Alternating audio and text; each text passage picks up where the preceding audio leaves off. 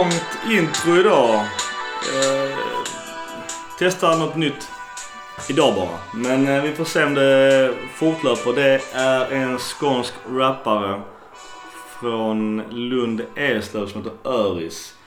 Välkommen till eh, podcast Rossoneri.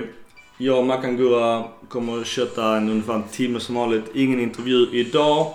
Alla Milan-nyheter finns på Milan Sverige. Sidan ännu mer uppdaterad så gå in och kolla. Även på Svenska fans så finns vi såklart på Milan Club Svezia i de här grupperna som eh, finns på Facebook och även vår egen podcast Rossoneri. Gå gärna in och joina dessa om ni inte redan har gjort det. Men vi köttar igång som vanligt direkt. Det är några heta potatisar. Vi kommer ha en ny lista. Hit or shit.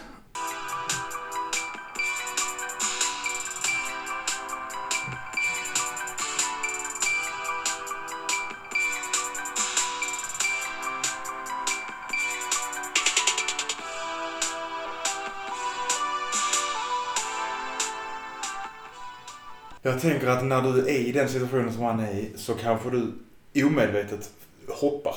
För att ofta kommer det ett ben också. Alltså du, om du tittar på tacklingar i vanliga fall, om du inte ska bryta benen Mm. så hoppar du upp för att missa. Och får du då dessutom den då. Jag är med på att båda armarna är uppe men jag tycker i de bilder jag har sett, jag har inte sett tusen olika vinklar men jag har sett repriser och stillbilder. Så tycker jag ju att Susu vänder upp händerna för att vända Det är det, det, är det. Han, han ger sig in på han gör så, ja men han gör så för att vända riktning på kroppen. Ja. Medan Kolarov gör så. Den är inte någonting för att ändra riktning på sin egen kropp. Tycker jag. Men Jag håller med Mackan och det vi pratar om, för nu är vi igång. Det är ju straffen vi skulle haft. Tycker jag och Mackan mot Roma. Och Gurra med viss expertishjälp. Som en dömde hade rätt. Det var tydligen silent VAR. Eh, låter är bullshit. det, är det för övrigt officiellt på något sätt? För det har jag försökt hitta en officiell. Att, att, att vara... Det finns, finns inget officiellt på det. Men han tar sig tydligen mot örat strax efter. Okej, för att eh, det annars, enda är det, annars är det väl egentligen det diskussionen mest har varit varför Mm. konsulterades inte var. Han tar upp handen mot örat precis efter han har gett Pacueta gult kort. Så jag förutsätter att det är silent var där. Eller är det bara så du jag ska mindfucka lite. Kolla nu, nu trycker jag på mitt öra.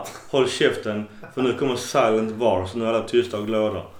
Men du Gurra, du har expertishjälp. Eh, Vill du läsa i alla fall kanske sammanfattningen för att dra hela? Vi pratar, vi pratar ju Susu när han fick spö av Kolarov mot Roma borta. Det finns en sida på nätet som heter Regelakuten. Kan rekommendera den. Så, jag har marknadsfört den också. Får man, eh, vill de ha folk? Absolut. De är uppe igen och de kör och de vill jättegärna ha trafik. Så att, Och du pratar du på på Facebookgrupp. Facebook som heter Regelakuten. Och då har de gått igenom, ni kan läsa hela svaret där på situation där de beskriver exakt domarnas placeringar, exakt vad varje aktör gör och så vidare. Men jag kan läsa från bedömning, sammanfattningen här. Det är en svår situation som även om man är på planen kan vara svår att tolka korrekt men enligt regelboken ska den tolkas så här. Bägge spelarna sätter upp armarna i den andres bröstkorg. Bägge spelarna väljer alltså det spelsättet. Spelarna fortsätter också att hålla armarna på den andres bröstkorg. Bägge spelarna vänder också upp mot bollen och visar en vilja att delta i spelet, det vill säga fokus ligger på bollen och inte på motståndaren. Vad man kan se i filmerna som bifogades eh, om situationen då och vad som är avgörande här är att Suso efter att han slagit bollen väljer att inte ta ett löpsteg efter bollen utan fäller upp sitt vänsterben bort från bollen. Detta i kombination med att spelarna har händerna i varandras bröstkorgar gör att Kolarov trycker Suso bakåt då Suso tappar kontakten med marken. Är detta då bestraffningsbart? Ja och nej. Kolarov visar en vilja att spela på bollen då han vänder sig efter bollen. Han sätter upp armarna vilket är bestraffningsbart, men eftersom Suso gör detsamma har spelarna valt det spelsättet, vilket gör att ingen för, förfördelas i situationen. Att vara starkare är inte bestraffningsbart. Suso väljer att inte spela vidare utan att falla. Detta är bestraffningsbart, men eftersom det sker i en situation där det faktiskt är en fysisk kontakt behöver inte spelaren varnas. Sammanfattning. Vi kan konstatera att domaren gör en korrekt bedömning, men det beror enbart på att Soso inte väljer att ta ett löpsteg utan istället viker benet åt andra hållet för att slänga sig. Det är vår samlade uppfattning att hade Soso fortsatt försökt, försöka spela på bollen istället så hade det troligtvis resulterat i att Kolarov varit tvungen att riva omkull Soso. Det är tyvärr allt för vanligt i modern fotboll att man söker kontakt och sedan faller för att få med sig domslut. Dessa är väldigt svåra att upptäcka. Och de som deltagit i beslutet dömer är själva domare i följande serier. Två stycken allsvenska Fifa-domare och två division 1-domare i Sverige. Och de har ju koll. Det fattar jag också med tanke på att de är dömda på den nivån. Så all respekt mot dem. Ja, alltså av de vinklarna jag har sett, de videorna som rullar runt på Twitter och Facebook och hela balletten. Det är jävligt svårt för mig att inte döma. Sen klart att Susu faller lätt. Som jag hade gjort. Och 99% också hade gjort. Eftersom att man är innanför straffområdet, man vet var linjen är. Och man har full koll på det. Så det är klart som fan att de faller. Men kolla, om man nu bara betar ner det i detaljer. Är det okej att ha ett sånt försvarsspel? Han gör ju, han gör ju inte det snyggt. För då kan du göra så varje gång. bedömningen, om, om inte Susse hade haft armarna uppe så hade det inte varit okej. Om jag förstod bedömningen Precis. Och jag tycker ju att bedömningen är korrekt på det sättet men jag tycker att de bedömer Susses armar fel. Ja, och jag tycker Ja. de bedömer hans slängning fel. Nu gjorde jag citattecken, eller citattecken på, på slängning. Ja. Han faller lätt. Det, det ska han göra. Mm. Alltså det är ju hans jobb att falla lätt där. Men Och det är som alla situationer man springer bredvid varandra. Springer bägge och slår på varandra med armarna. Nu visar jag en arm till höger liksom som bara slår på den, den jag springer bredvid. Men springer bägge två och slår på varandra med armarna. Så blåser inte domaren för då väljer spelaren det spelsättet. Men gör bara den enade så blåser de. Ja, den är tvek. Jag... eh, Enligt regelboken ska ja. de göra. och jag tycker inte, alla de vinklar jag har sett och de repriser jag har sett, att Kolarov går på boll. Det tycker jag inte. Bedömningen är att han vänder sig upp efter den. Och då Efter han har kastat ner Susse på marken så gör Ja, han han vrider sig samtidigt. Ja, det... Ja, så. Men jag, Ja. men jag vet att vi har olika uppfattningar men jag tycker fortfarande att... Jag tror också det i kombination med att vi, som vi pratade om precis när vi började, att vi inte vet om det blev VAR-kollat eller inte. Det var Nej. väl det många har retat sig på i efterhand. Och vi är fortfarande lite irriterade att vi inte fick en VAR på Supercupfinalen mot Juventus. Och sen kommer en liknande situation och vi får inte VAR igen. Det kanske var silent VAR även där. För fan vet vi, bara att peka på örat så ska alla vara lugna och glada. Men nu är det två situationer i rad där vi kanske bommar två straffar som kanske hade varit helt annat resultat. Ja. Men du grabbar, välkomna. Vi är igång. Tack så mycket. Eh, vi har en ny grej. Jag tänkte hoppa in i den direkt. Hit and shit. Du menar vad, vad- som skulle kunna få Hackan bänkad? Ja, typ. det också. Eh, Jag, har- jag, jag, jag har tre punkter. Jag, jag inleder med hit and shit. Det är svårt att inte ha Hakan Chanoglu som shit. Men jag har faktiskt vänt ett steg vidare. Och det är den här eh, presskonferensen med Matteo Salvini då, Italiens boss. Variant Han är nog vicepremiär. Det är han som skriver det på Twitter, men det är inte han som ställde frågan. Det var en journalist som ställde frågan under presskonferensen. Ja, Men- så är det. men alltså, från det är sant, men Matteo Salvini är inte Ja. journalist. Nej okej, ja. Ja. Rätt ska vara rätt. I alla fall Salvini. Och i alla fall poäng, poängen är i alla fall att en befogad fråga till Gattuso. Från en journalist. Från en journalist. Varför får Chanoglu spela varje match i 90 minuter? Då, då svarar Gattuso nästa fråga. Vilket det kan vara Fast det är också fel. För journalisten säger att Salvini undrar varför. För han hade skrivit någonting om det. Just och då frågar journalisten vid presskonferensen. Okej, Ja. det är rätt. Nej, nej, Så, men- ja, det är rätt. Och eftersom han inte tycker om Salvini säger han bara nästa fråga. Jag tror inte det, Jag tror givetvis det har att göra med att han gillar Hackan och vi andra inte gillar Hackan. Men jag tror egentligen det är att han eh, dissar Men Salvini. även nu om inte de gillar varandra, eller Salvini kanske gillar Gattuso för att han är Milans tränare, för att han är milanista. Och Gattuso gillar inte honom. Fine, fair. Men frågan är fortfarande sjukt befogad. Och där tycker jag Gattuso en liten jävla barnrumpa. Som inte faktiskt kan svara på frågan i sig som alla vi undrar. Så just nu, Gattuso, du är min shit för denna månad som beter sig som en barnrumpa på en presskonferens. Jag la nivån där. Ja, Mackan har du någon? Jag suger på min skit lite. Ja. Ja, men då, då tar jag min, då kan jag, jag tar min hit också så kan, vi, kan ni sticka in med ert senare. Ja. Min hit är också ganska uppenbar egentligen. Men det, är- och det är Bakayoko. Och det handlar inte om hans prestationer utan det handlar om hans inställning. Och det han har gått ut och sagt att ja, jag vet att jag var skitkass i början. Men det kom, ni kommer få se den rätta spelaren och eh, att bara vara mottagen av Malini och Leonardo visar hur, alltså hur professionell Milan är som klubb. Och hur de mottog mig. Och vilken känsla jag fick av klubben. Och jag har lovat dem och Milan-fansen att jag kommer leverera. Och ingen kan säga emot honom idag. Och just den här jävla inställningen. Att han var utbuad, utbytt och alla spottar på honom. Vill skicka honom tillbaka till Chelsea med första bästa fraktplan. Men han har vänt den steken. Idag är det ingen som inte skulle vilja att han blir utköpt från sitt lån från Chelsea. Förutsätter jag. I alla fall jag vill ha honom kvar i Milan. Så det är mina hit och det är min shit.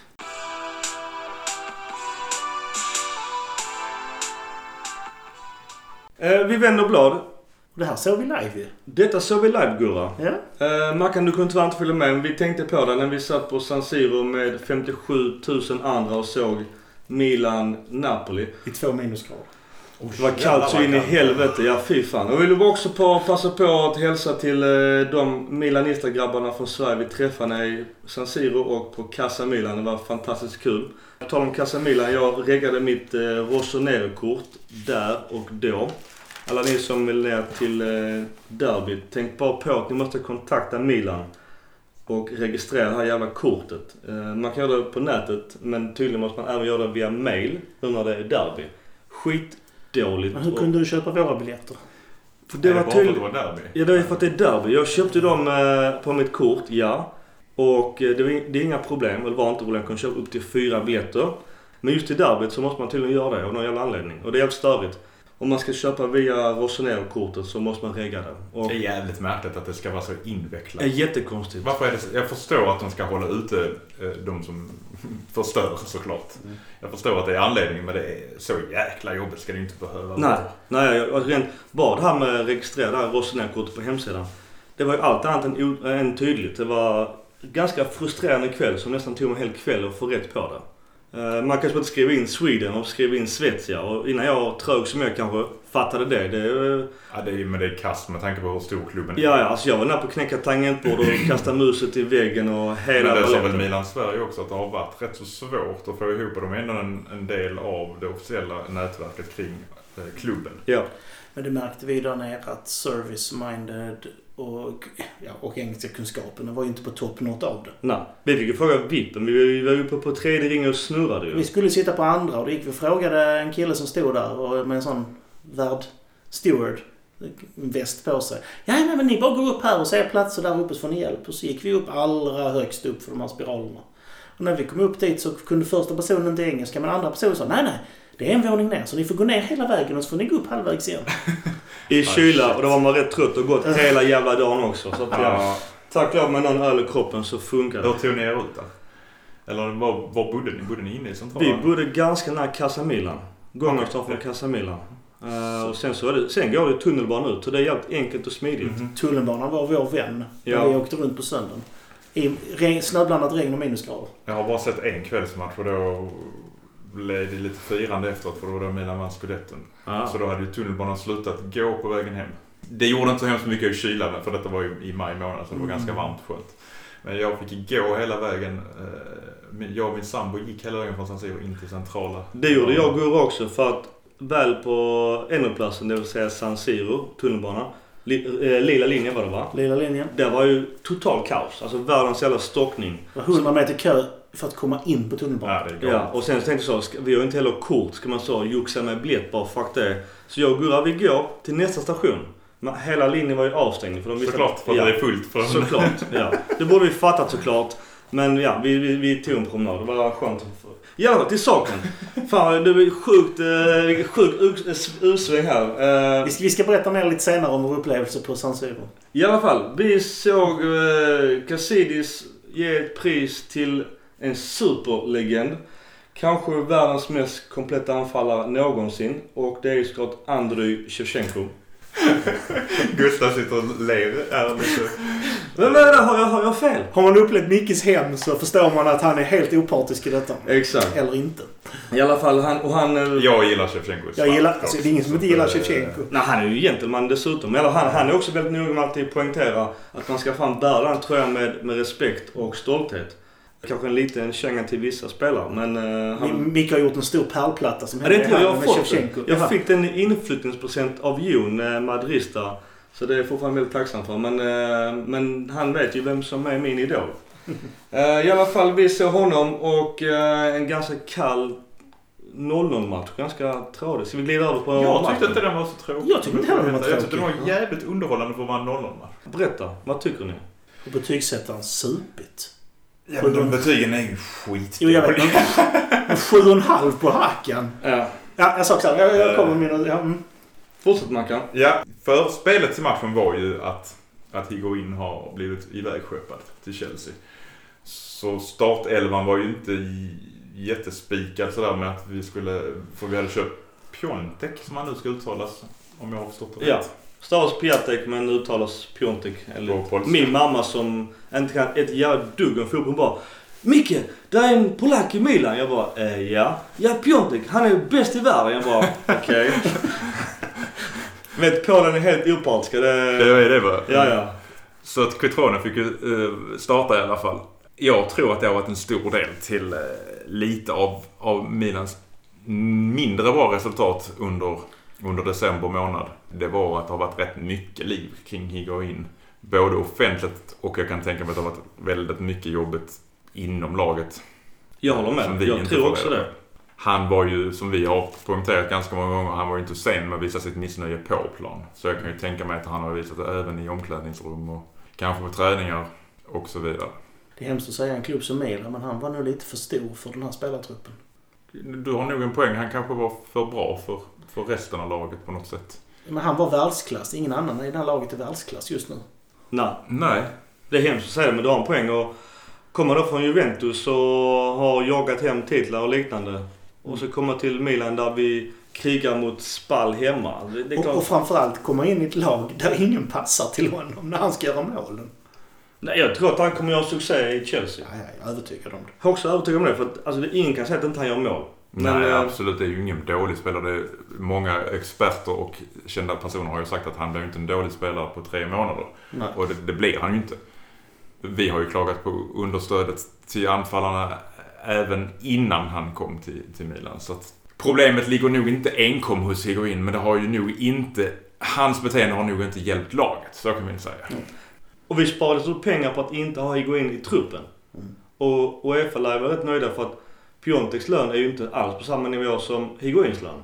Så bara där har vi också bättre siffror. Och Pionteks köpesumma är mindre än utköpssumman, utköpssumman på Higuain. Ja. Ja. Mackan, fortsätt. Eh, Ja, ja, det jag skulle säga, det som jag tyckte var fruktansvärt underhållande i den matchen var, om man nu ur en Milans synpunkt, var försvarsspelet. Många har sagt att Napoli var dåliga.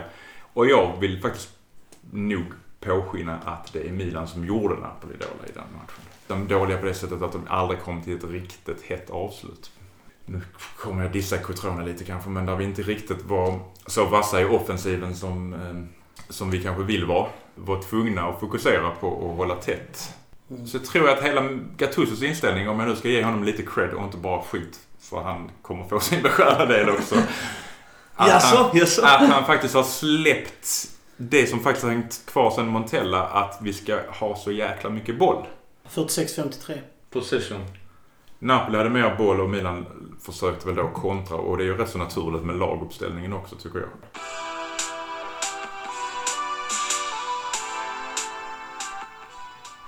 Men du, eh, Mackan, Men har du mer att säga om Napoli? Eh, vi har väl klagat på att Hakan inte har sprungit särskilt mycket, men han hade faktiskt sprungit över 10 kilometer. Roligt i den här matchen är när jag och Micke sitter, sitter och pratar lite så helt plötsligt hör jag Micke vråla bredvid mig. När, tack, när Hakan gör en tackling och drar in benet mitt i tacklingen. Vilken jävla alibi-tackling! Ja, man Ja. såg det. Alltså, det var ju lång... Alltså, då satt vi i rad ett på ring två. Och man såg att han drar in ben. Och jag, jag blev så jävla förbannad när du inte har kulor nog att gå in i tacklingen 100%. Nej, du har en För poäng. det vet ju alla. Om, om den som tvekar i en tackling eller i en duell. Det är den som får mest stryk. Ja, absolut. Gurra, vad du säger om Napoli? Du såg den på plats så att Mm. eh, du har kanske ett annat öga. Ja, det var skitkul att se dem på plats. Jag fick en helt annan översikt. Jag lade märke till många fler roliga detaljer som jag brukar göra. Jag tycker vi var med mycket bra i första halvlek. Bakayoko stängde ju ner den här zonen så totalt. Han ägde ju planen i första halvlek. Fullständigt. Och det märkte Så. Ancelotti. Ja, och det märkte Ancelotti. Och då återigen kom hans slughet i... slog den till. I andra halvlek så gjorde, gjorde Bakayoko sin första brytning i 63 minuten. De, de gick bara runt. De undvek hela ytan framför Milans backlinje i mitten. Och gick, satsade bara på kanterna. Gick runt, utmanade Calabria väldigt, väldigt mycket. Eh, Suso Calabria på deras kant och även då eh, Hakan Rodriguez på andra. På Calabria kom, på Calabrias kant kom de ner väldigt långt och kunde slå inlägg. Och på Rodriguez kant fick de slå dem högre upp.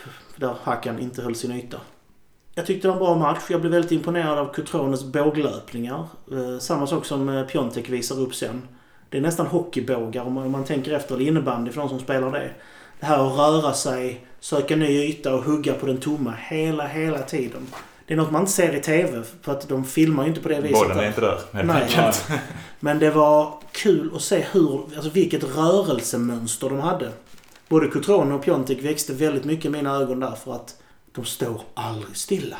De är jobbiga jävlar för de sabbar ju mycket av eh, uppspelen och hur, hur en, en försvarare kan komma i läge i ett trångt läge från mittbackskollega till exempel. Och det ser man inte på TV som man ser live. Sen blev jag jätteförbannad på bytena. Alltså det känns verkligen som att Gattuso var nöjd med oavgjort. När Milan hade kommit över stormen i andra halvlek, runt 70 där någonstans, och började komma in i det. Då, gör, då görs bytena. Då byts Cutrone ut mot Piontek. Istället för att ha bägge på plan och försöka satsa lite. Suso som var helt off kändes det som. Fick vara kvar. Hakan som också var helt off. Han fick ju gå av i, vilken minut var det? Ja, det var nästan de sista som var Ja. Men han går alltid ner Mm. bytet ytteranfallare vänster och så går ner till vänstermittfält och tar bort eh, Och Paketa byttes ut också. Det jag hade velat se in med en mittfältare, upp med Paketa, lite mer bredd på det. Du betalar en paket och bara ett inflik. Har ni läst eh, Pirlos ord om honom nu från matchen efter Roma? Va? Det var ganska hårt dömt med tanke på att han har spelat tre matcher i Europa. Dra det. Han sa väl att, att eh, han ser ut att vara en bra spelare men jag är inte övertygad än. Eller något sånt där. Om jag ska Ja. ta det väldigt... Det var lite Snälligt. syrligt. eh, Lite syrligt, Ja. Och det som vi sagt också här, det är ingen som har sagt att han är någonting som en ny Kaká eller en ny världsspelare. Det ska också bara poängtera lite objektivt att eh, jag, eller vi, jag tror inte många andra håller med om Ruiz andra gula kort. Han åker på hans.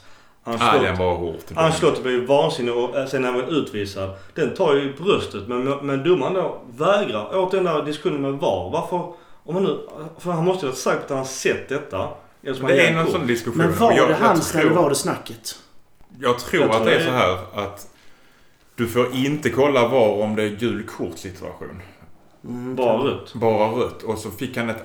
Det blev ju rött för det var hans andra gula. Exakt. Men det är ju inte en röd, rött kort situation. Och ingen röd förseelse. men-. Det jag är mest för att det kändes som att han snackade väldigt mycket innan han fick kortet. Jag tror inte tänkt på det. Men var det inte som så att han, han blev avblåst för en hans? Och som inte var en hans. Ja. Men då börjar han tjafsa. Och säger väl valda ord och då kommer det gula kortet. Det är den Mm. känslan jag får när jag ser det. Jag tar Sånt hade varit jäkligt roligt att kunna få en matchrapport från domaren efter. Varför fick han gult kort? Det började med Allsvenskan ett tag men eh, det slutade de ju med. Jag förstår varför. Men det hade varit roligt att ha det. Men- Mina egna erfarenheter från fotbollsplanen är att det såg ut ungefär så.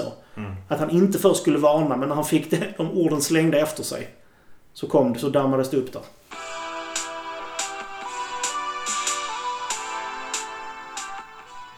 Ja, Okej, vi klumpar ihop eh, också Napoli igen. Dock i kuppen vad var det? Kvartsfinal va?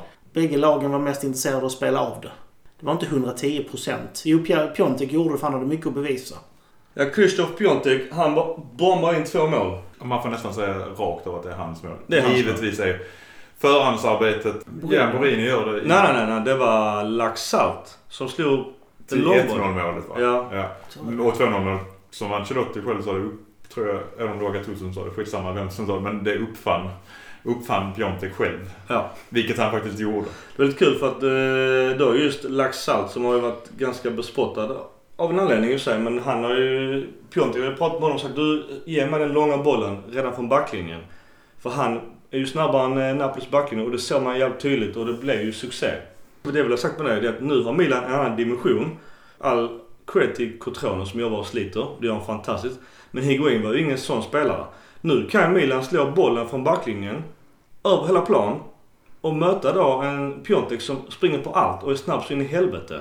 Det blir en helt annan dimension i Milans spel och vilket också gör att backlinjen som vi möter inte kanske vågar stå lika högt och möta oss vilket gör att vårt motståndarlag blir längre som lag vilket gör att vi får mer ytor mot dem. För innan har det varit så shit vi känns så sjukt kompakta och möter ett kompakt lag. Men det är för att deras backlinje kan gå högt upp för att vi har haft en trött Higuain som inte vinner en, en enda duell. Suso vinner ingen löpduell. Hakan vinner inte duell mot mig. Vinner inte någonting. Alltså jag, jag tror till och med jag, som är en trött gubbe slår Hakan i löpduell. Om inte annat så kan jag bara dra ut bommen som Baresi gjorde så ligger han i golvet. Jag snackade med en Napoli-fan om den här matchen. Han är från Italien, han heter Marco.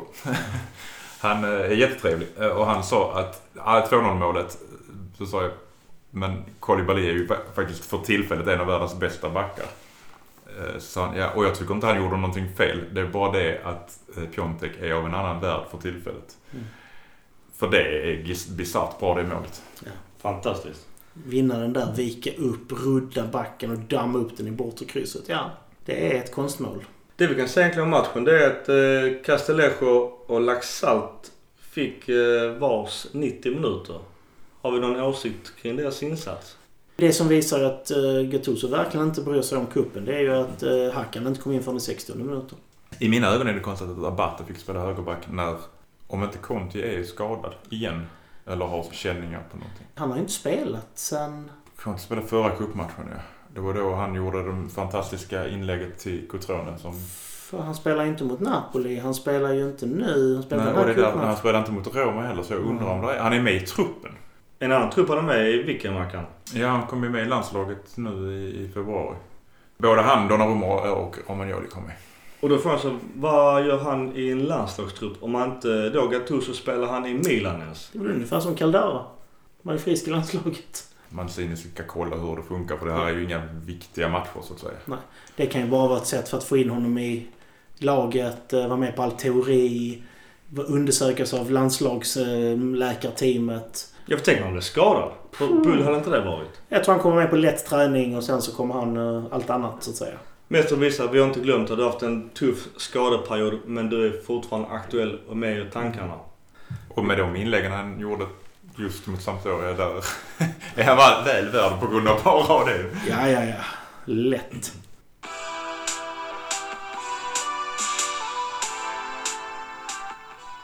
Piontex två mål och eh, det är också en sån kille som nu har ju bara en hit men annars hade nu han varit min hit två. Jag kan ta en hit från er nu. Du kan få två hits den här Jag har fått två hits för att eh, det är första så att jag är dåligt påläst. Eh, I alla fall, han som jag har sett och han har också bekräftat att han är milanista sedan barnsben. Han eh, har ju sin gamla Milan-handduk som man har sett på bilder ju. Han vill göra mål i varje match såklart och eh, att gå till Milan var någonting som var en stor dröm och även West Ham var intresserad men av all respekt för West Ham. Men som jag sa, Milan är en mycket större och mer spännande klubb så det var ganska lätt val. I hans första säsong i Serie A har han ändå gjort, var det 13 mål i ligan än så länge förutom de två. 14 nu. Han har inte gjort något mål för Milan i ligan. I Roma. I Roma-matchen, Ja. för 14 nu. Jag Okej, tänkte ja. 13, jag tänkte 13 Ja. igenom men... Nej, hur glömde du det Ja, nej, det var, jag, Ja, ja, ja. ja. han hade 13 gjort 13 mål när han kom och det var hans första säsong i Serie A och det är inte helt enkelt att göra det. Det är tufft. Sen, sen, sen, sen är det så här, jag vet inte om ni lyssnar på Premier League-podden, det är säkert andra som är som gör det. De hade ett litet inslag här nu, hur alla spelare som går till en klubb berättar hur de höll på den klubben som barn. Så hon, eh, Frida Fagerlund, gav ett tips till alla unga fotbollsspelare. Skaffa en, en tröja av varje storlag och ta en bild på dig nu när du, när du är liten. Så kan du alltid plocka fram den sen och så blir du älskad av supportrarna direkt. Och det kan också vändas mot en. För du säger då att du är till exempel då Liverpoolare. Och så har du kanske en Everton-tröja. Då kommer du hänga med dig för alltid också. Det funkar för Steven Gerrard. Men en annan grej på tal om inställningar. Jag älskar inställningar och det är så. If I'm ready så skriver, eller säger Piontek I was born ready. I'm ready to do and I will do everything to get Milan back to the Champions League. I will fight for Milan. Alltså ett sånt snack. Det är skitlöjliga floskler. Men det funkar så fan på mig. Jag älskar sånt. Sen kan han blåljuga och bara säga det bara för att han är mediatränare. Jag på den dagen. Jag älskar det. Mm. Så det är min hit. Det är Pionteks inställning. Och det är inte bara att han gör skitsnygga mål utan det är en riktigt jävla härlig inställning. Din mamma blir glad när du säger detta också. Hon är jätteglad. Hon lyssnar dock inte men jag ska tvinga henne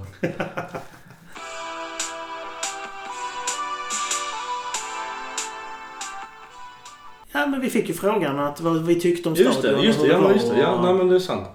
Ja. Du, första gången för dig Gurras. Vad säger du? Jag blir jätteimponerad av eh, anläggningen. Alltså den är väldigt estetiskt tilltalande byggd. Det är när man kommer in, när man ser bra. Förutom det där pucket som skulle ta ner banderollen när det var fem minuter kvar och blockerade sikten. Men Han var sur. han var sur. Oj, oj, oj. Men det var en annan historia. Men nu har vi i alla fall lärt oss var vi ska skaffa biljetter nästa gång. Jättehäftig arena, man såg bra, imponerande ljudvägg. Och sen att man faktiskt kan sitta på princip alla sittplatserna och ändå vara under tak. Det gör ju att eh, det blir en helt annan atmosfär. Så det skulle kunna inte ösregna, vi hade inte blivit blöta liksom. Mackan, du har också varit där. Åsikter kring San Siro? Första gången jag kom dit så var det en mörk kväll och den där tornen som ni pratade om innan när man går upp i, de kom ur mörkret. Det är jäkligt imponerande. Det är när som man ett kommer rymdskepp. Ja. Liksom alla andra arenor så har den blivit något förlegad när man jämför med nybyggda såklart. Den behöver ju uppgraderas om vi ska spela kvar där. Men jag känner ju att det är hemma för Milan. Jag upplever Jag ändå inte läste så... faktiskt idag att de hade en diskussion att de vill förmodligen, helst vill de ju förnya San Siro med Inter. Mm. Och Att, köpa loss den och äga den ihop med Inter. Alltså jag hör så många säga att den är sjaskig och nedgången, men jag upplevde inte det. Stolarna var det, det kan jag Stolarna är inte sköna på Nej. något sätt. Framförallt inte när killen bakom har liksom knäna Nej, in över din stol. Det är väldigt tight. Men jag upplevde, jag fick inte känslan när jag var på arenan att det var något sjaskigt och sunkigt. Jag tycker de ska uppgradera den och behålla den. jag tycker det viktigaste är att de, att de köper loss den. Om de nu gör det med Inter, ja fine. Om det är det som är dealen. Hellre det. Att man broderligt delar på utgifter och inkomster, och inkomster. säga. Absolut. För det, det måste man ju. Man kan inte, det blir ju svårt att göra det annars. Så någonstans så är det två fotbollsägare som är business. Mm. Jag tror de i slutändan, vad säger jag, fan ni är blåa, vi är röda. Båda får in så mycket pengar, folk och merch som möjligt. Och då får man förbi sig kanske någon färg här och där. För det är inte så att de spelar samtidigt med ändå när det är derby såklart. För det var den andra gången är det ju tvärtom. Det är ju ganska enkelt. Men att, att man så två stora klubbar och det är ju samma egentligen nere i, i Rom. Med, där är ju lite snack om att Roma kanske ska bygga arena. Men att inte Milan Inter någonsin har haft något långgånget projekt förutom Barber då med att bygga egen arena. När vi var där 57 000 på plats, då kan man inte bygga en arena likt Juventus på 45. Det, det är ju också vansinnigt. Och En arena, om man nu skulle bygga ny, eller förminska San Siro. Man får inte tänka på, visst man kan ta bort mycket delar av, av tredje ring. Men du kan inte göra den som på 50 000. Nej. Det måste är minst det. 60. Ja. 65 helst. Nej, jag håller med. Milan har ju faktiskt, både Milan och Inter får vi då säga, de har ju slutsålt på derbyna. De har oftast slutsålt mot Juventus. Och kanske någon match till beroende på hur tabelläget är. Och tar du bort 20 000 biljett, det är mycket pengar och det också. Inter hade ju nästan fullt på San Siro i alla sina hemmamatcher i Champions League. De hade väl högst snitt av alla i ligan Efter- i fjol. Ja, ja, ja.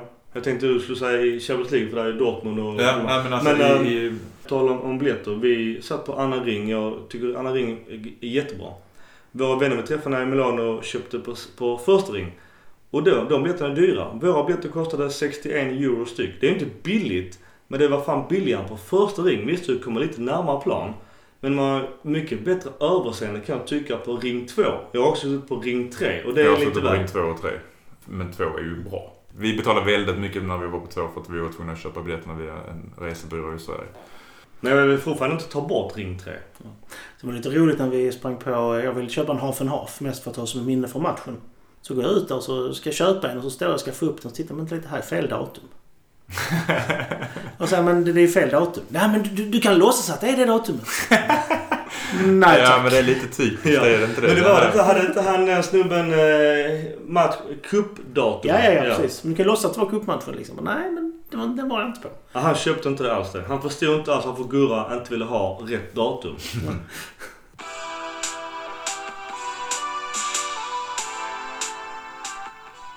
Jag kan ta min.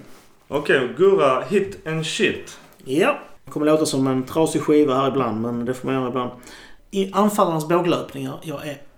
Det är en riktig, riktig hit. Det, man ser det alldeles för sällan med ofta stillastående anfallare, men det här är två anfallare som rör sig. Det här att de rör sig mellan backarnas zoner gör att de alltid får en förflyttning på backlinjen. Så även om de inte får bollen så skapar de en yta till någon annan. Pjonteks senaste mål nu mot Roma är en båglöpning utan dess like. Han drar den bakåt, backen tvingas flytta och det är han steget före när han kommer och det är därför han får foten på den. Sen har jag två shit som går ihop här och det är Hakans lojhet och Gattusos coachning. Det intressanta var när vi frågade i Milan Store vad de tyckte om Gattuso och Hakan. Så står alltså de som jobbar för klubben och är nästan lika tuffa mot dem som vi är. Det, det var förvånande. Mm, det trodde jag inte var acceptabelt. Någonting är ruttet. Vi kan säga också det. Vi var inne... Både Casa Milan har ju officiell shop. Men de har faktiskt kvar sin Milan Store inne i stan. Ett stenkast från Domen. Och den var mycket, mycket bättre än Ja. den på Casa Milan. Ja. Casa Milan var en besvikelse när det gällde shoppen. Museet var hur häftigt som helst. Så man kan gissa på Milan, äh, Milan vad en eh, matchtröja med nummer och namn kostar. En officiell matchtröja, ingen replika utan en officiell matchtröja.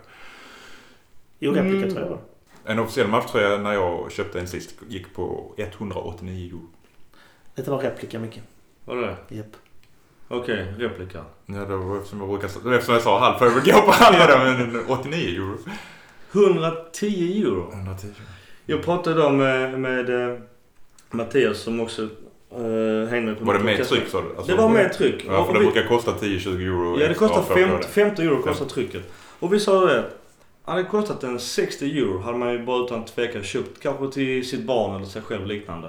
Men om vi pratar 110 euro. Vad, då, jag, vad vill jag betala för mig? 79 eller 80, 80 ja, någonting? men du beställde din och fick gratis porto med tryck och eget namn. Ja. Och där på Casamilla, det till och med ett par plats borde kan vara lite billigare. Men de kränger för 110 euro med namn och nummer. Jag tyckte det var magstarkt. Var det det du skulle säga?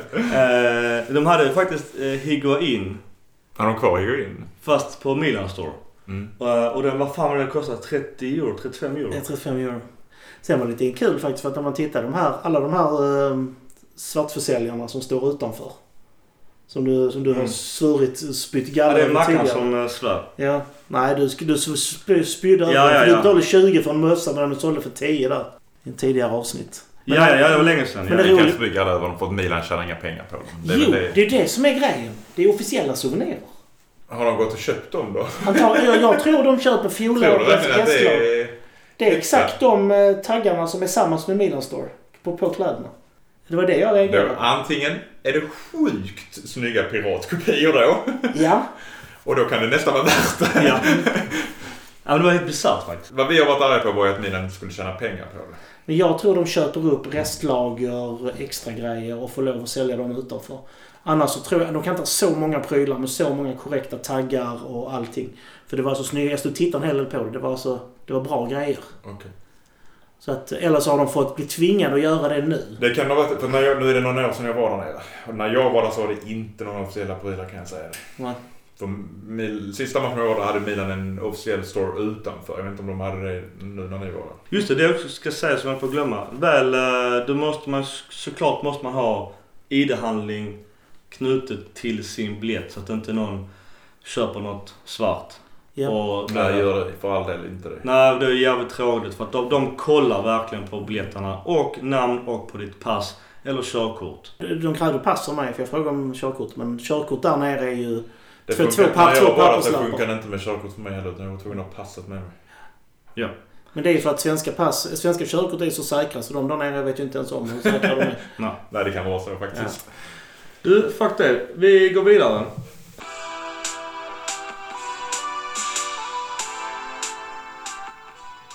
Ja. Jag får hitta på någon ny. vill Eftersom du- ni har redan sagt mina. Ja, ja. Du vill inte också såga Gattuso? Eh, ja, det gör jag gärna. Vill du ta det nu eller? Ja, då kör jag. Min hit är eh, Donnarummas nuvarande form och att jag då fick rätt i min, min önskan. Din julklapp. Min julklappsönskan. Fan vad bra han har varit. Ah, han har varit jättebra måste jag säga. Eh, Jag klagar väl något mot Juventus i Supercup eh, med Ronaldos nickmål i, i Supercupfinalen. Men han har revanscherat sig duktigt. Jag tycker att han är den stora anledningen till, i- framförallt i Roma-matchen som vi inte har kommit fram till riktigt än, att vi tar poäng. Även i båda Napoli-matcherna har han varit fantastiskt bra. Det var, det var någon procentsiffra som lades ut här i media. Han hade väl 84 procent. Han är 19 år gammal och gör snart sitt 150 framträdande för Milan. Han har ju alla möjligheter att bli just den legenden som vi vill innan hela soppan med kontraktsförlängning och så vidare kom igång. Det, det, är, det är Dida, är tvåa. Abbiati etta och var det Rossi trea och just nu är Donnarumma nia Mm. på sina Som snart- 19-åring. Som 19-åring. Det är, och då på snart 150 Serie A-matcher.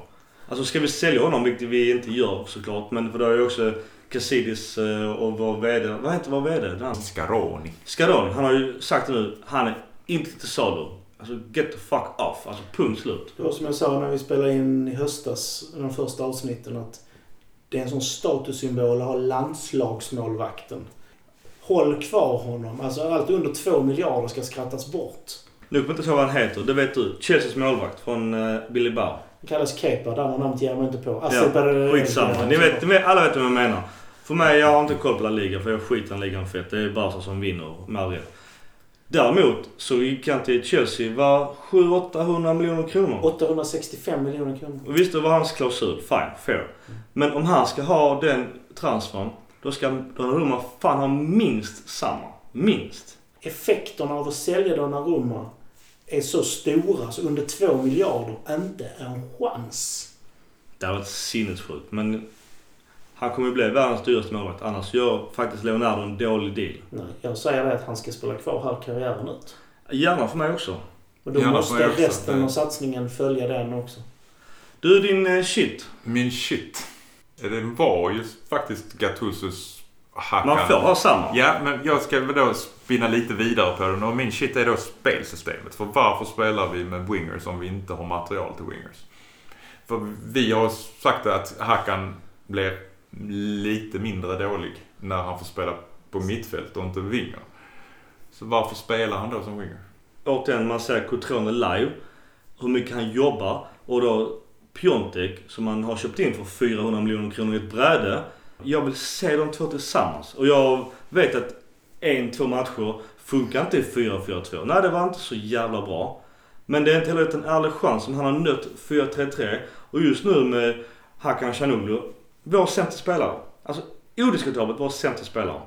Just nu har också Suso varit ganska dålig. Och mycket anledning till att man har spelat 4-3-3, i alla fall i mina ögon, det är för att Suso har varit så jävla bra som, som ytterwinger i 4-3-3. Om inte han levererar, varför ska vi spela 4-3-3 och sätta en superanfallare på bänken på grund av detta? Nu när både Calabria och Conti är tillbaka skulle man kunna spela en 5-3-2. Tre mittbackar. Två wingbacks som jobbar längs hela kanten. Två centrala mittfältare, då Bakayoko och Kessie som jobbar och en Paketa framför som tar ytan. Två anfallare. Ha Suso som kunna hoppa in i slutet och riva upp ytor. Jag skrev också i vår interna grupp att gamla Ancelotti-taktiken, och pratar jag inte julgranen, utan dessförinnan när de hade 4, 3, 1, 2. Klassiker. Klassiker och typisk football manager eller, eller championship manager taktik också i spelet. Som man, man vann ju allt. CM 97-98 var den bästa taktiken, ja. Och då har man då en attacking midfield och center. Och där har vi ändå idag en paketa som kanske skulle kunna bli, jag säger inte en ny Kaká, men vi säger hälften av Kakas potential. Nu, nu när han drog upp senast, skapade yta till sig själv, accelererade runt backen och slog den till Piontek. Som han gjorde i Roma-matchen. Hans, han blir hämmad och spelar så långt ner. Alltså det, det målet är ju hans mål. Alltså Piontek gör det ju bra såklart med en yttersida och hela biten. Men det är ju, det är ju Paketas mål. Sätt upp Paketa som en AMC med fri roll, eller då om man nu ska spela samma spelsystem, på Hackans Byt position. plats på de två i så fall. Ja. I alla fall testa någon match. För att Gattuso är så jävla förutsägbar. Det kan jag säga i nästa match och nästa igen. Hakan kommer att spela vänsterytter. I minut Så min, 60 min 70. shit blir med andra ord faktiskt spelsystemet i, i dagsläget. För, Jag gillar shitten.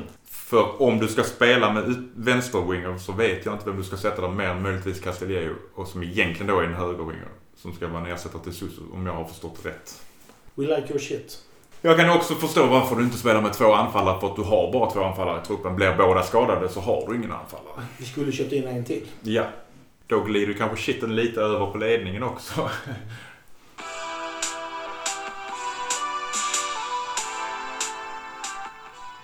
Du, vi, vi tar ändå råmatchen nu. Faktiskt ynka 37 581 på Olympico bara. Det tycker jag är ganska dåligt. Fast det är inte så konstigt med tanke på Romas resultat i matcherna dessförinnan. Du menar att de har medgångsfans nere i rum? Jag tror nog det. Det jag är lite... det känns nog lite så va? Det tycker jag är lite pissigt. Vad säger Bill Eller om det? motgångsfans kanske Ja. man säga. Nej, sådär. Det, det är sådär. Men vi har redan gått igenom de stora snacksen och det är Kolarovs... Eh, det, vad heter nu han brottaren från Ryssland? Han som var Karelin. Jag älskar honom. Fan vad grym han var. Han, han eh, brottar ner Suso. Vi tycker olika, jag och Mackan. Så att vi är två mot en. Så borde man inte vinna då, eller? Jag tar med mig svenska domarkåren och Ja, just det. Men Okej, jag tar ja. med två Fifa-domare på min sida. Ja, Då får vi nu ge oss Mackan. För Fifa-domare har väl några mer kunskaper än vad vi har. Men i alla fall, vi får 1-1. Och Vi har redan dratt lite, vi är inne på det. Så vi behöver inte dra det detaljerat. Piontek gör mål igen. Förarbete Paketa, fantastiskt. Man of the match var du inne på och det är Donnarumma. Ja, det kan inte vara någon annan i den matchen. Han räddar oss. Fantastisk spelare. Ja. Alltså, något som är väldigt anmärkningsvärt som jag skrev till er under, precis efter matchen, var ju att Bakayoko var nog sämre eh, på väldigt länge. Alltså, Mm. han var inte dålig. Han ska inte få skit så att han var dålig, dålig på något sätt. Men Kessie var bättre. Jag såg om den här matchen i... Var det idag på jobbet eller var det igår? Ja, på jobbet. Såklart. Ja. Sök Gurras jobb. Eh, och faktum är att Bakayoko hamnar lite grann i samma situation här som mot Napoli. Nu har de läst sönder Gattuso. De såg vilken effekt det gjorde att försöka undvika hans yta.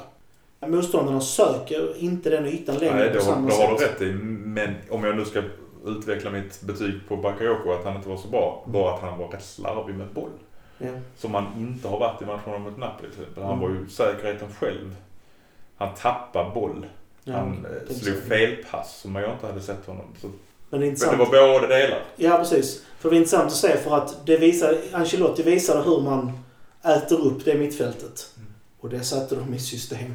Vi ska också säga det att eh, Rom har, har ju ändå en svensk gammal MFF-are i Olsen. Och det är... Jag måste ju säga det ju. Ett. Men eh, han är ju han är ändå stabil.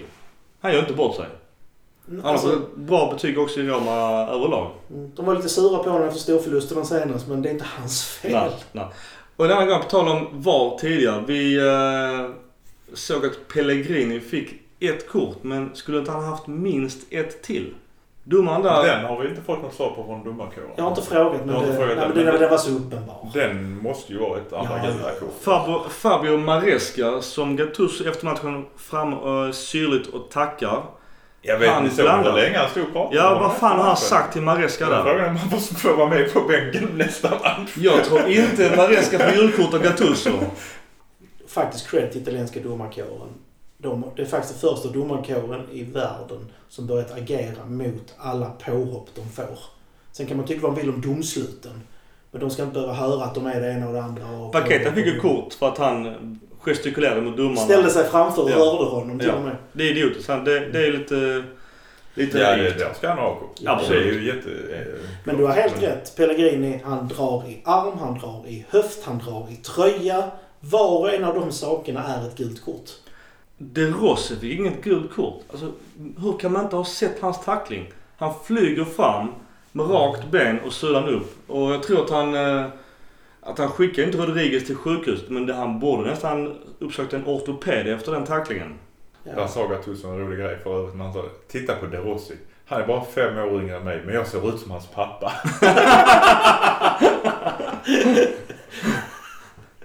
Ja, legend. Nej men du har helt rätt. Alltså, det gjordes misstag. Absolut. På båda håll ska sägas. Ja, det var inte domaren som gjorde att, vi, att Roma var bättre i denna matchen.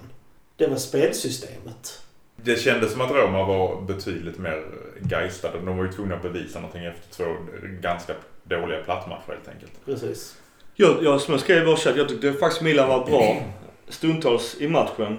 Och uh, åker ändå ner till Rom och har 100 passningar mer inom laget än vad Roma har. Det kan jag inte säga ett piss. Men det, jag tyckte ändå någonstans att de kändes lite mer bekväma. Sen jag hoppas på att Dzeko skulle vara avstängd eftersom han fick ju rött i kuppen Men det var han inte. Nej, jag Jag förstod är inte det. osäker. Alltså det är ju som så här. Blir du avstängd i en tävling som italienska fotbollsförbundet arrangerar så ska du även vara avstängd i. När avstängningen går igenom så ska du bli avstängd i de efterföljande tävlingarna, alltså av som de arrangerar. Men det kan vara, för jag har sett det här i Premier League också. Om domen bara, om det bara är anmält att Zeko är, så kan det vara som så att det tar en eller två matcher innan domen kommer och sen blir det en längre avstängning. Det finns den risken. Eh, I Sverige har man ju att du är avstängd direkt och sen får du en dom. Men det är inte säkert att de här länderna har det. Jag vågar inte svara på den faktiskt. Nej, han var, han var spelare och han gjorde det jävligt bra för han är en jobbig jävel att möta. Han är också en milanista som vi borde tagit för många år sedan. Men en annan spelare som jag reagerade på det är ju att Pastore, jag vet inte om han, jag kan inte Roma, men han fick inte ens komma in mot Milan. Det gjorde däremot vår gamla milanista Charavi. Han var rätt så pigg i City. Jag gillar han. Jag, Jag har alltid gillat Jag honom. med. Nu var han ung i Milan, det får vi inte glömma. Men han blev ju också ganska sönderläst. Han kändes ju som en vänsterkantens Susu. Ja, men jag har hellre han på vänsterkanten än Chanoglu. Oh ja! Oj, ja, ja, alltså, det, jag har hellre dig på vänsterkanten Micke. Du, Jag gör det fan bra. För du fattar när du ska byta. Ja, och jag har hjärtat på rätt plats. Micke gör en löpning, sen och, kommer jag, jag, sen kommer händerna och upp. jag håller inte en tacklingen, det lovar jag. Fy fan vad det kommer att glidas. Men, Men, men två av de spelare som också är spännande, eller ja, var, men Santon, gamla Interspelaren, han känns ju skitdålig. Vad har hänt med honom?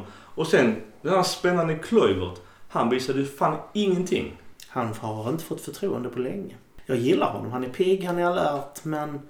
Alltså det är en spelare som behöver regelbunden speltid. Han behöver regelbundenhet. Så Rom har egentligen två val med honom. Antingen spela honom och satsa på honom. Eller låna ut honom. Han, det, är det är en spelare som egentligen borde spela varenda Primavera-match för dem. Plus då göra inhoppen här på 10-20 minuter. Det hade funkat. Det kanske han gör i och för sig, det vet vi Det inte. gör han inte, jag har kollat det. Okej. Men på tal om han, Kluivert då, och regelbunden speltid. Det var lite likt hans far, som har faktiskt spelat i Milan. Men det var ju sen när Milan var som bäst. eh, Då var han ju också en supertalang i Milan, men han fick ju lämna för han fick ju inte, han slogs inte in i detta supergrande Milan. Mm. Men det, för, för er yngre lyssnare så Kluivert har en far som har spelat i Milan. Och eh, det var, var han som avgjorde mot Milan i Champions League ett år innan han gick just till Milan. Där har Milan köpt Så var honom. det. Mm.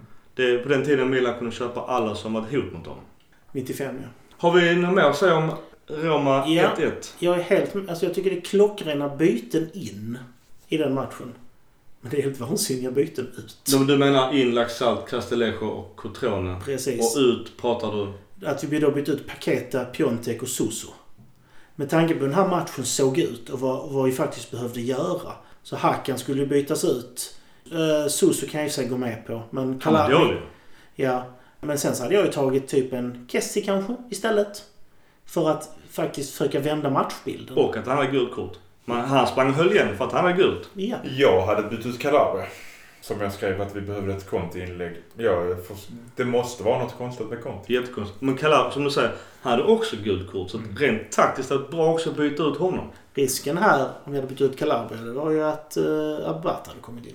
Ja, det är det jag menar. Alltså, jag hade inte, inte tagit ut... Jag hade inte tagit in Abate, jag hade Nej, tagit, satt in Conti. Ja. Förutsatt att han inte då är skadad på något sätt.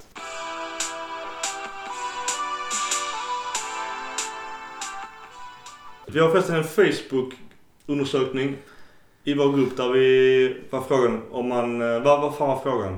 Om han ska, om man förtjänar sina 90 minuter startplats varje match. Mm.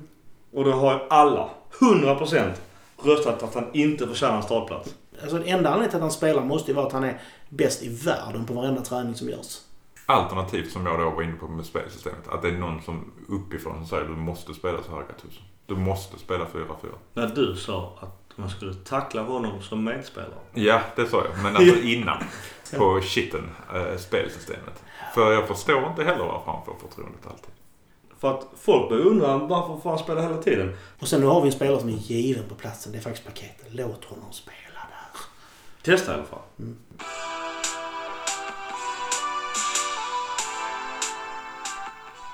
Ja, eh, vi bara summerar också transfer för nu är det stängt.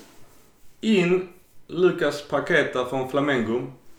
Christoph Piontek Genoa. Och så har vi de här lite nya unga grabbarna. Eh, Thiago Jalou Jalou.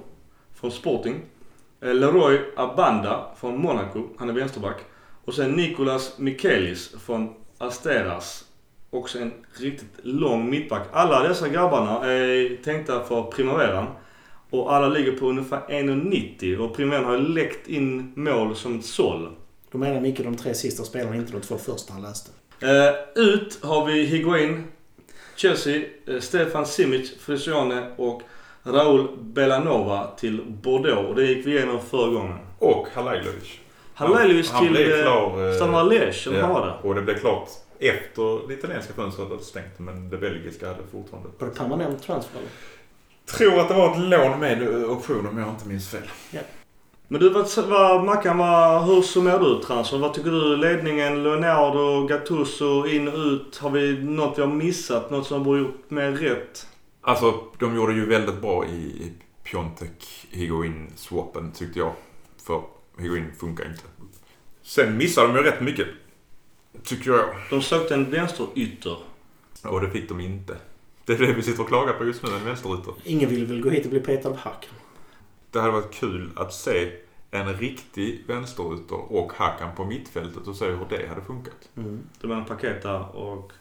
Man egentligen bara Ja. göra en swap där, men Paketa har ju inte spelat som vänsterytter, det har han inte. Men det skulle vara roligt att se om Hakan då hade blivit bättre. Jag vet Så att så Hakan som Laxalt hade fungerat där uppe.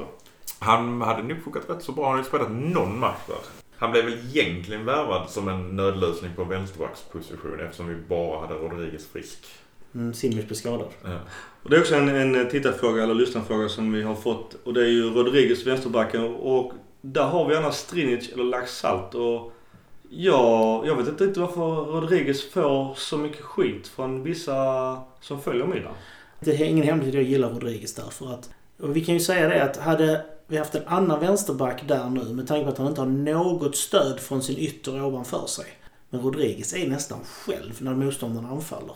Han låser ner den vänsterkanten fullständigt. Att han får kritik och folk vill byta ut honom och peta honom att han är dålig.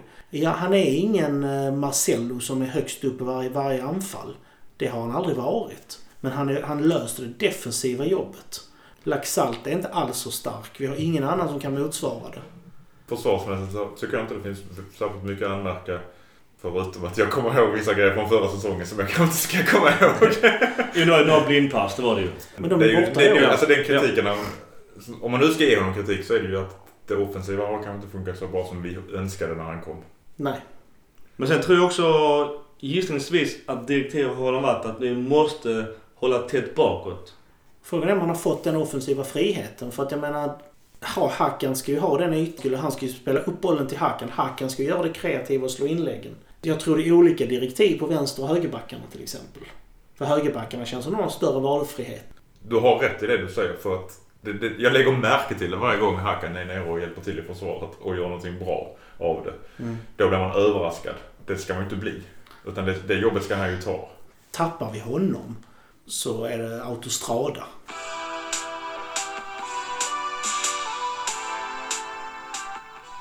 Vad säger du om eh, transferfönster? Ledning, Leonardo, Maldini. Får in bra spelare men vi förstärker ju inte där vi nästan behövde det mest. Visst, Piontek ersätter Higuain. Det är synd att vi tappar en världsklasspelare. Vi tappade alltså två världsklasspelare på ett halvår. Du tänker på Bonucci. Bonucci och Higuain. Sen kan man säga att det inte passade, in- att det inte passade in och att det inte funkade. Men varför gjorde det inte det? Jag tror inte Higuain hade velat lämna om han kände att han var del i spelet och att de sökte honom med bollar. Sen tror jag nog det har skurit sig i omklädningsrummet också. Men beror det på det eller beror det på något annat? Det vet vi inte. Men signalen är att Milan kan inte behålla sina världsklasspelare. Och det är en farlig signal att ha där ute. Det bara att man värvar yngre som då Casillas vill. Mm. Och vi har, vi har, vi har en väldigt ung startuppställning mot, mot Roma. Kanske nästan ligans yngsta och köper upp massa unga bra talanger. Men det som du var inne på vi måste ha lite ryggrad också. Nästa gång vi vill ha en världsklasspelare, vad tänker de då? Sen så väljer vi ju att inte förstärka där vi verkligen behövde det och det var en, playmaker på mittfältet. Och det är väl för att de tror... Bigley är på väg tillbaks. Han är, det är nog en vecka till. Men Bigley var ju inte bra under hösten när han väl var frisk. Det räcker inte med en egentligen. Man måste ha... Det är också nästa fråga. eh, som du var inne på, man kan återigen till spelsystem. Om nu Bigley är tillbaks och vi har Kessie, Bakayoko och Paketa. Vem fan ska få stå undan för Bigley? Eller ska han börja Inte Hakan i alla fall. Inte här Nej, nej, nej, nej, nej, nej, nej. Men Där kan jag ju tänka, tänk ändå om man haft dagens spelare. Nu gör han omöjliga grejen att peta Hackan upp med eh, Paketa och satt Biglia på den rollen. Då kanske Milan hade blivit fyra rakt av. Vi hade möjlighet att ta in Fabregas, men att säga nej till honom på kanske ett och ett halvt års kontrakt, 10 miljoner pund, är ju rent vansinne. Det är ju exakt den spelartypen vi behöver. Alltså i mina öron, öron känns det jättekonstigt att han valde att gå till ett krislag i Monaco om inte de erbjöd honom en monsterlön. Och, de, och Milan tyckte han var för gammal. Casillas ska du säga. Casillas. Det har kommit fram också att Casillas har ju sagt nej både till Zlatan och Fabregas. Som vi tre ville Men ha. Leonardo säger att det inte var där. Så Okej. det här med ryktena. Jag är, Mm. Många är väldigt kritiska till Casillas. Jag, en Arsenal-blogg som hade skrivit en lista på vad, vilka fel Gazidis hade gjort. Och då är det ju ägarna i Arsenal som ger Gazidis fel roll. Var han sportchef där? Nej, han var VD där precis Ja. som han ska vara i Milan. Och sen när vi fortsätter med transferfönster så att vi förstärker inte den positionen och vi förstärker inte med någon ytter som vi behövde. Vänsterytter. Ja, någon som kanske kan spela bägge men framförallt en vänsterytter. Och där finns ju spelare att få tag på. Och Fiorentina har ju satt prislapp på Chiesa på, är det 35 miljoner pund? Så han finns ju, han finns ju möjlighet. Det finns även andra vänsterytter. Bergevin till exempel har varit jättebra. Vi saknar fortfarande en anfallare. Men vi har De inte... menar nog att Borini är den tredje anfallaren. Tittar man på truppen så har ju Milan en för stor trupp. Inte på kvalitetsmässigt. Inte kvalitetsmässigt nu, men det är över 30 Tj- spelare 28 spelare står, i- räknas som A-truppen just nu. som har truppen. Och det är egentligen för stort för en trupp som inte spelar Champions League. Leonardo påstod ju att Zlatan-grejen delvis var någon form av fair, financial fair play-grej.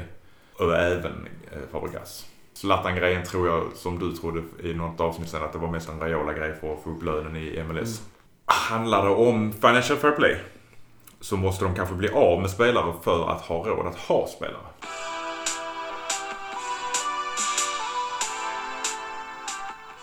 Rolig jämförelse var väl när eh, Juventus åkte ur kuppen och fick rätt många insläppta mål i, Serie A direkt efteråt också. Att Ja, de Parma. hade, ja, att, de hade släppt, att de hade släppt in fler mål på två matcher än vad Milan hade gjort på de nio senaste matcherna. Jo, vi fick en fråga också om det är värt att sälja Suso i sommar. Kunna då köpa in fler spelare och så som har spelat detta året, eller efter de första tio matcherna, tycker jag absolut det är värt att sälja honom. Framförallt när det pratas om 65 till 60 miljoner pund. Jo men det är ju förutsatt eh, klausulen. Är väl fortfarande inte riktigt eh, skrivet om det. En annan lä- läsare eller tittarfråga det var Dybala. Mackan, vad hade du att säga kring det? Jag förstår inte var Milan skulle hitta de eh, slantarna. Bygga ett ungt lag så är han ju väl, varmt välkommen. Kan det vara han som petar Hakan kanske till och med? Kanske. kan det vara det som krävs, en Dybala? är det det. Gurra, vad säger du? Ha- Och Dybala? där skulle jag bara, innan jag, forts- innan jag ger det till Gurra. För en miljard kronor så tror jag du kanske kan förstärka laget på bättre sätt. Vi hade, inte- hade inte tackat nej om vi hade fått honom, men det är som du säger. Hur mycket vill Juve ha? Vad kan vi få för honom? Vill de ha någonting emellan? Vad måste vi ge upp? Vill du byta Donnarumma mot honom? Aldrig i livet. Mackan? Inte, nej. Och med tanke på vilken lycka vi har haft med våra före detta Juventus-spelare hittills så kanske vi ska De kan skita i få det. tillbaks Caldara så tar vi Dybala. De kan få Hakan också bara för, på köp. Varför blir Ja, varför? Då måste, men då, då måste vi skicka pengar också. ja, ja. Det är värt det. Du förresten, här är Hakan också. Ni kan få rabatt också.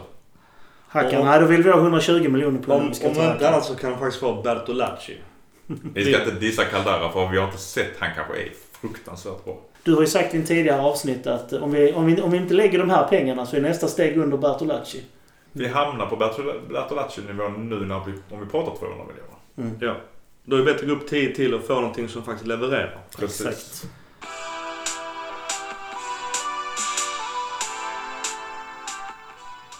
Har du någon positiv Mackan? Tycker ju att Roman Jodi har varit mycket duktig. Musashi har ju inte gjort bort sig i de matcherna nu sen Zapata blev skadad. Kan han få belastas för Romas mål? Eventuellt kan man väl belasta honom där. Den situationen, Det är tufft. ja. Gurra, har du någonting positivt? Ja, som jag var inne på min hit där. eh, Dels var det positivt, jättepositivt faktiskt få uppleva dem på plats. Att få se San Siro och uppleva att en superb stämning. Och sen så jag tycker jag det är väldigt positivt rent spelmässigt med Cutrone och Piontek hur de, deras utveckling går. Jag hoppas bara att de hittar sätt att få dem att spela tillsammans. Ja, min positiva är ju att eh, milanistan eh, Novak Djokovic vann Grand Slam igen. Han är ju en Sjunde trogen... gången va? En fantastisk I spelare. Australian Open.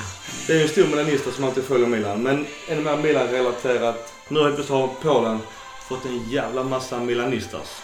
De var där och tryckte en massa Piontek-tröjor. Så att det är kul att vi får en ny fanbase i ett nytt land. Nog om det. Forza Milan! Forza Forza Milan. Milan.